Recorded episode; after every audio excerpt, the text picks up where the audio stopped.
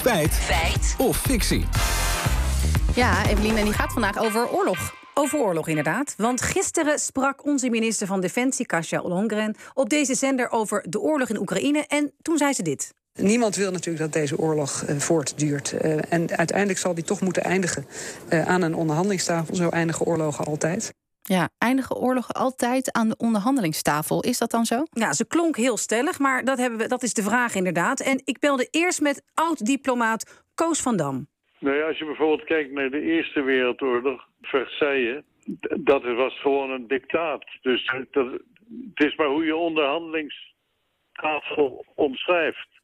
Is het een, een, een, een tafel waar gewoon wordt ondertekend dat je verloren hebt, of wordt er nog onderhandeld? Is het kale feit dat twee strijdende partijen samen aan één tafel zitten een onderhandeling? Is dat automatisch een onderhandeling? Kolonel Han Bouwmeester, universitair hoofddocent militaire strategie aan de Defensieacademie, zegt er het volgende over. Ja, ja, goed. Het, het bij elkaar komen, uh, dat is al een hele handeling op zich natuurlijk. Hè? Want het is wel aan het einde van een conflict waar partijen elkaar niet vertrouwen.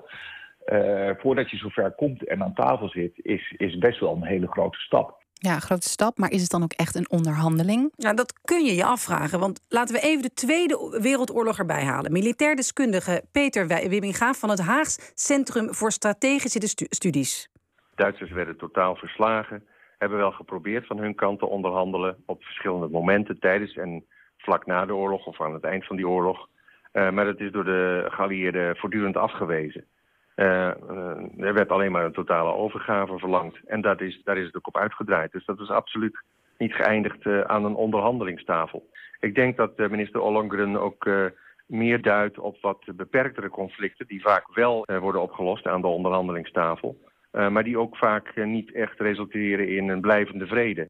En welk conflict dan bijvoorbeeld? De Koreaanse oorlog. Daar is eindeloos onderhandeld. Dat betekent dan wordt er niet meer geschoten, maar formeel is het nog altijd oorlog.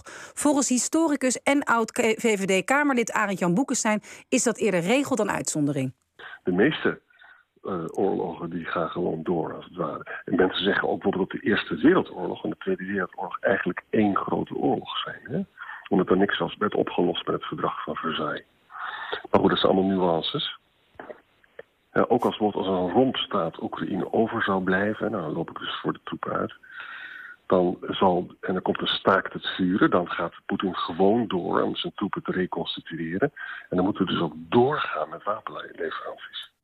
Oké, okay, dus dat oorlogen altijd aan de onderhandelingstafel worden opgezocht, uh, opgelost, opgezocht, dat is dus niet zo. Nou, Arend Jan Boekenstein vindt dat een beetje spijkers op laag water zoeken. Het is een beetje flauw om er daarop aan te vallen, want ze heeft natuurlijk een hele duidelijke politieke betekenis met deze opmerking. Hè? Ze ondersteunt hiermee de Amerikaanse lijn.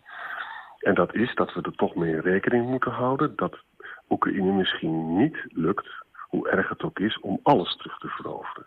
Ja, een beetje flauw, maar goed, wij doen niet aan politiek. Oorlogen worden altijd aan de onderhandelingstafel opgelost. Feit of fictie? Ja, fictie dus. Zeker als je ver terug in de tijd gaat. Nog één keer dan kolonel Han Bouwmeester. Veldheren als Napoleon en daarvoor Frederik de Grote ja, die waren uit op de totale overwinning. En uh, het enige wat gebeurde is dat de verliezer uh, overhandigde zijn sabel en de vlag werd gestreken en de vlag van de overwinnaar werd gehezen. En er waren eigenlijk geen onderhandelingen bij betrokken.